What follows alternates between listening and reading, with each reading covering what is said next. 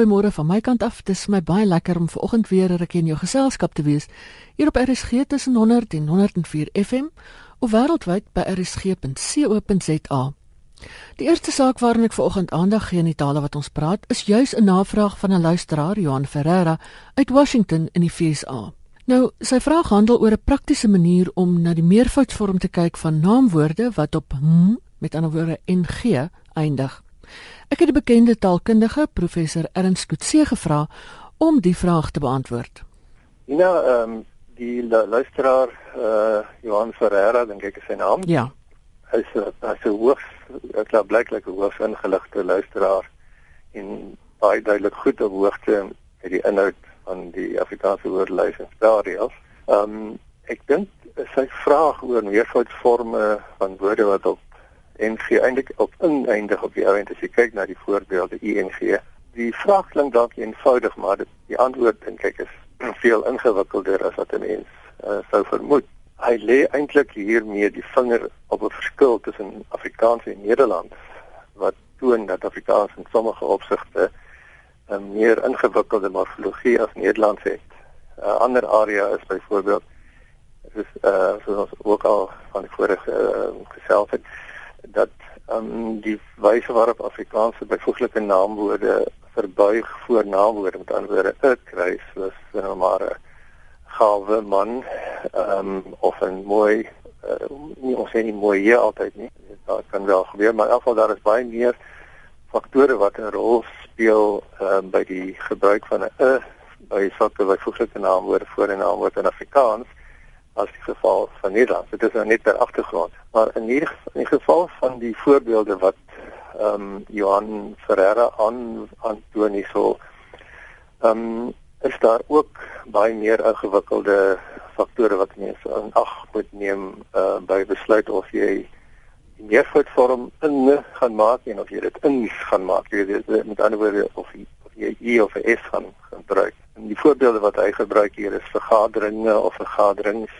veranderinge of veranderings en verbeteringe of verbeterings wat almal um, uit die uh, uit reëls in die AWS uh, gehaal is. Nou, ehm um, as ons byvoorbeeld nou dit vergelyk met met Nederlands dan is dit baie eenvoudig want in Nederlands word sulke vorme altyd met die, met die en uh, afgesluit, maar met die meervoudsvorme is is dit in Nederlands maar afdeling, afdelingen, verduideliking, verduidelikingen ensovoorts. Uh, selfs 'n woord soos keten wat ons ken as keten in Afrikaans, uh, het hulle ook ketenen, alhoewel jy ook kan ketens kan sê in Nederlands. Maar die meeste uh, die die konsekwente meervoudsvorm by woorde wat op ing eindig in Nederlands is met 'n en daarbey. In Afrikaans kan ons kies, ons kan sê uh afstammelinge uh, aan een kant, maar dan is daar byvoorbeeld kettings of verduidelikings en soos hy gesê het, jy weet vergaderings en so voort. Mm. En hierdie hierdie uh klop blyklike uh, die mekaar spel in Afrikaans ehm um, is daar is tog 'n um, aanwysing of as mense dit onder uh, bietjie ondersoek en kyk na die na die frekwensie van die verskillende uh, forme in Afrikaans dan lyk dit asof daar tog sekere faktore is wat 'n rol speel uh, wanneer mense kies tussen ings of inge. Behalwe dink klem byvoorbeeld, jy weet daar is dit word ook gespesifiseer in die uh, AWS. Nou word dit dings aan die dings wees nie of sportkring sal nie sportkring wees nie, mm. sportkringe en so voort. Ehm um, die neiging is in Afrikaans om die s te gebruik ehm um, waar dit kan, maar sommige faktore soos ek gesê het, ek as dit die e uitgang uh, begunstig. Byvoorbeeld eh uh, semantiese oorwegings, weet ek ek kyk hierso eh uh, ek die hele klompie gaan na speur in die eh uh, korpora en dit lyk asof ehm um, 'n faktor soos mense uh, jy weet menslike uh verwysings uh gewoonlik 'n e neem. Jy sal nie sê afstammelings nie, maar afstammelinge. Ehm um, jy weet of uh leerlinge, nie leerlings nie. Ja.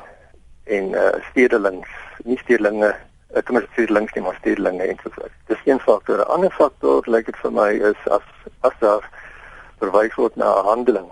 Jy weet soos byvoorbeeld sê net maar uh, handtekening. Mens kry nie eintlik handtekenings nie.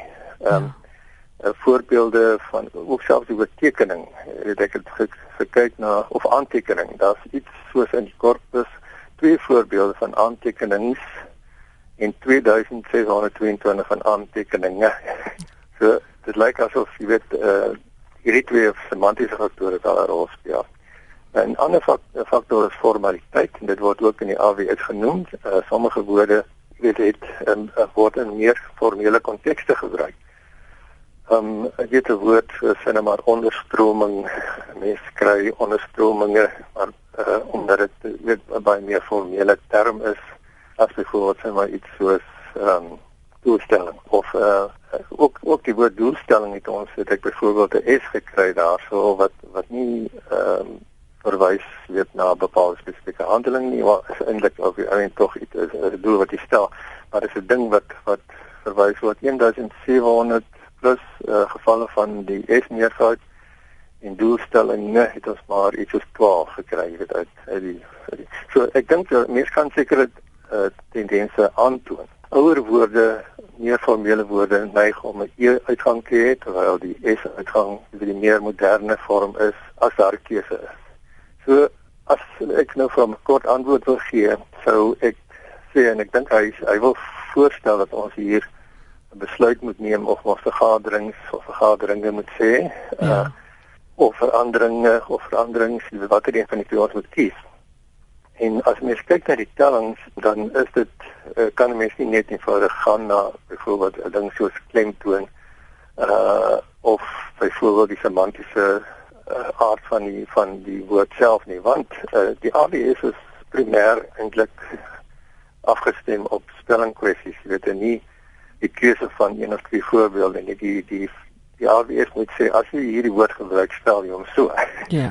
Hm. en uh, nie noodwendig jy weet kies liewer hierdie woord in plaas van daardie woord nie. Daar is sekere gevalle waar daar wel 'n opsie uitgeoefen word, maar albei is moontlik. Daar is ook soms selfs uh, betekenisverskille. Maar so die AWS se funksie sou ongelukkig nie kan wees om te sê jy weet ons jy moet altyd vergadering nie gebruik of vergaderings gebruik of uh, veranderinge Uh, daar is wel meer gevalle van veranderinge as veranderings, maar dit hulle lê taamlik naby mekaar. Hmm. Ehm um, en dieselfde met verbeteringe, verbeterings. Ek dink die rede is miskien hier omdat dit ook verwys na dit handelinge wat beskryf word.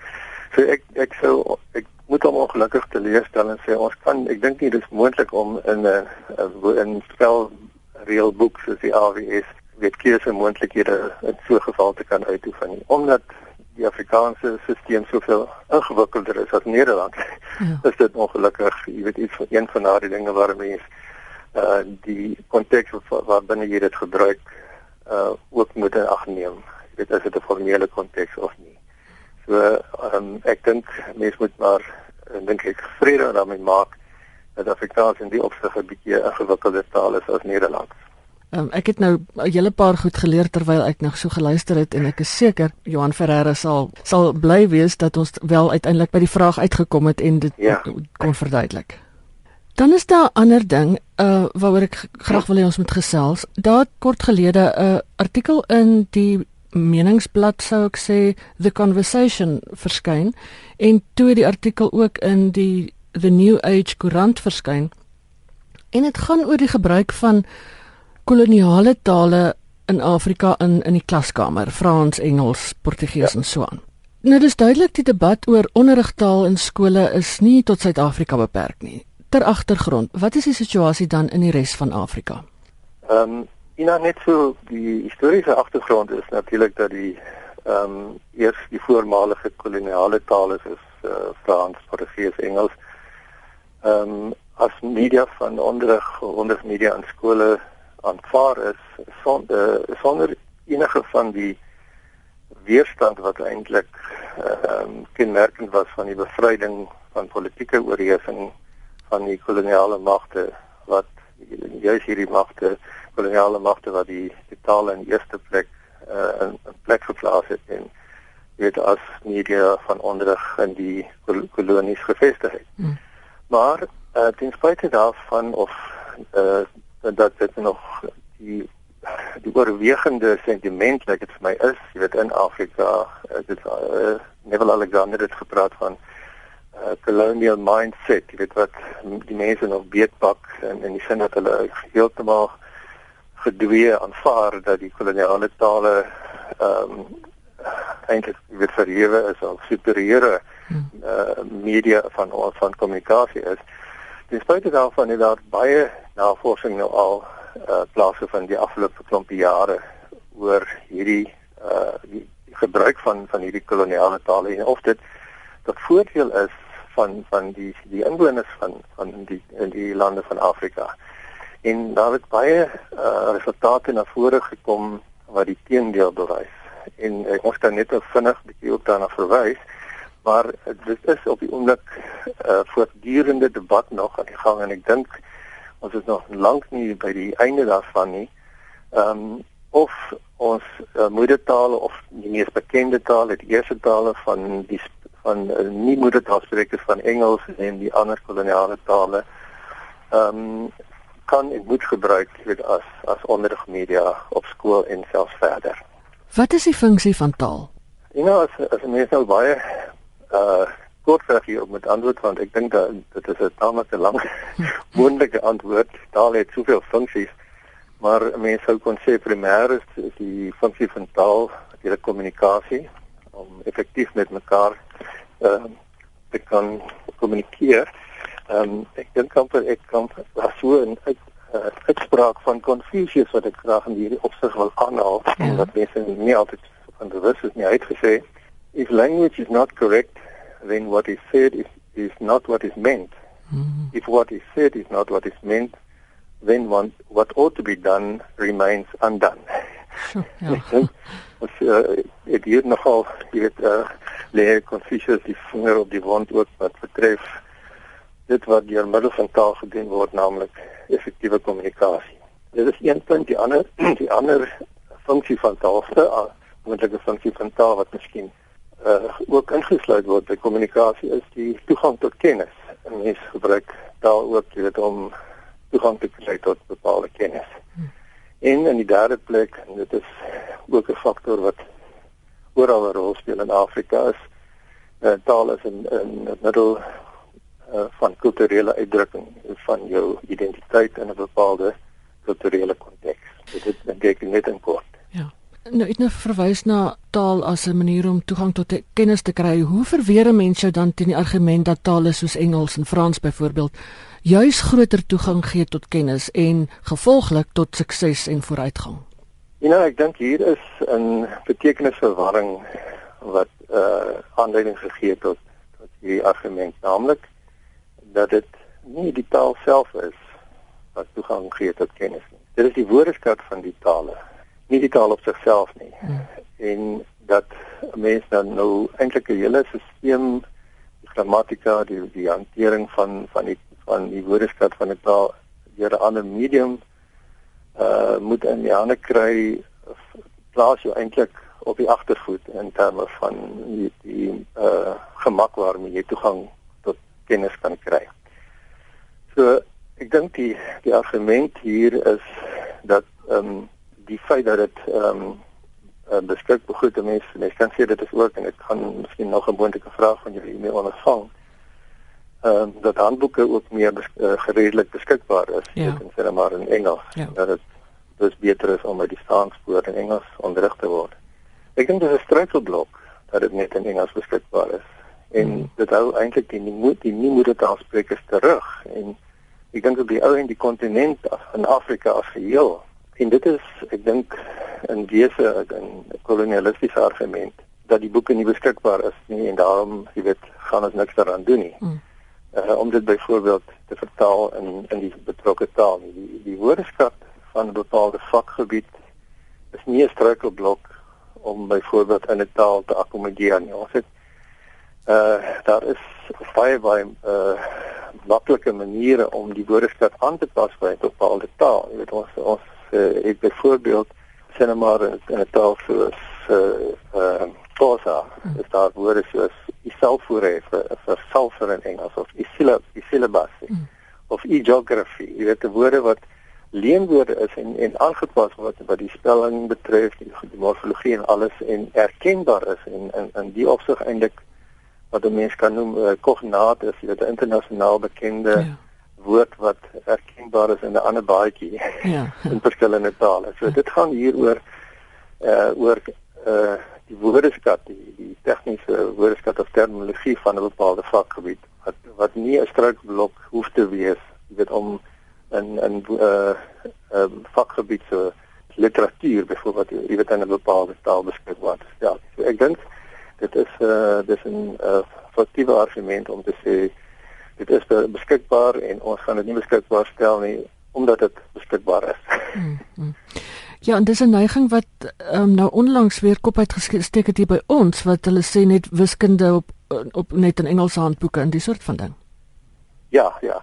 Ek dit was ek dink hierdie artikel was juis 'n antwoord op op die op so 'n argument wat uh, aangevoer is. Ehm um, dit is ek dink gewoon gebaseer op uh, op luiheid, jy weet mense wat wat nie bereid is om iets te doen da, uh, aan die die belangriker kwessie is eintlik dat dit dat uh, mense teruggehou word van kennis, van hmm. toegang tot kennis eh uh, deur so argumente gebruik net terwyl die moontlikheid daar is om dit moontlik te maak vir nie moedertaalsprekers om in hulle moedertaal die kennis onmiddellik beskikbaar te kry. Daar's juis in verskeie dele van Afrika en onder meer in Burkina Faso ehm um, navorsing gedoen oor skole se prestasie in terme van die wat in in Frans onderrig kry en die wat in hulle eie moedertaal onderrig kry. Vertel ons bietjie meer daarvan. Uh ja, Ina, weet jy, um, dit is nou deel van van die ehm um, uitsette navorsingsuitsette wat beskikbaar geword het en en rugbaar geword het op die eind. Daar was uh, so 'n paar jaar lank is daar tamelik intensief navorsing gedoen uh deur in in samewerking tussen ehm um, en ek dink dit is Volkswagen onder andere maar ook ander instansies in Duitsland ehm um, wat met uh studente en navorsers uit Afrika saamgewerk het oor die hele kwessie van uh die die rol van moedertaal jy weet in in in die onderwys en en navorsing. En uh, dit is die sogenaamde German African Network of, Alumni and Alumni dit uh die afkorting is Ghana en daar is in uh, navorsing gedoen in Noord-Afrika, Suid-Afrika, Oos-Afrika, Wes-Afrika oral. En soos jy so uh, ook sê in Burkina Faso is ehm um, gemeenskapskole wat die wat die moedertaal of die huistaal dan as 'n medium gebruik het, het eintlik die regeringsskole wat Frans gebruik het as medium uh ver verbygesteek in terme van hulle prestasie by op op skoolverlatingsvlak. En dit is nie eintlik is nie die enigste nie, daar's ook in Burkina Faso is nou nie uh, weet die mees ontwikkelde land in Afrika nie. Ook 'n land soos Zambië byvoorbeeld, is daar soortgelyke navorsing gedoen waar Engels in Zambiese skole ehm um, gebruik of ten minste baie daar baie klem geplaas is op die verwerwing van Engels as as 'n as 'n medium in die middel van vakonderrig in Engels. Ja. Dan word Engels as vak. Terwyl die die ander vakke die die middel van ehm um, van die die eerste taal van van die leerders onderrig is. En ook in daardie geval het die leerders uh by daardie by, by die betrokke skole veel beter in Engels gevaar as enige van die ander skole in die land. En die aard van die saak ook omdat hulle vermoë om Engels te kan uh gebruik, het hulle ook toegang gekry tot uh literatuur wat in Engels geskryf is. Hm. So ek dink jy weet hier hier is die uh, waar die klem baie duidelik sigbaar of wat nodig is, uh die klem wat nodig is in terme van taal aanleer. Hmm as ons kyk na die na die resultate van van sulke navorsing. So as 'n laaste vraag, wat behoort dan die oogmerk te wees by die aanleer van 'n taal? Nou, ek dink dit dit spreek van self, jy weet in die lig van wat ek predisver gesê het dat uh, effektiewe kommunikasie eintlik die hoofoogmerk moet wees. Jy moet taal kan gebruik om effektief te kan kommunikeer wyse van die manier waarop jy dit gebruik en uitspreek en verstaan Ehm um, en as jy dit as jy daardie mikpunt bereik het, stel dit jou tog ook in staat om toegang te kry tot kennis. Anderswoorde, dis nie twee mikpunte wat jy met mekaar verwar nie. Die eerste, die mikpunt om te kan kommunikeer sluit toegang tot kennis in, maar dit ek dink nie dit kan die die hoofmedium of die hoofmikpunt wees. ek wil graag ehm um, meer weet omtrent wiskunde, daarom moet ek Engels leer. Nou sit jy voor twee take ja. wat jy gelyktydig moet oplos en dit plaas jy op die agtervoet soos ek gesê het. Mm. En ek ek dink regtig dit is die rede hoekom ons hele vasteland eintlik oor oor die jare en oor die dekades heen 'n agterstand gehad het wat vererger het as gevolg van die aandrang op die uh, koloniale taal as medium van onreg.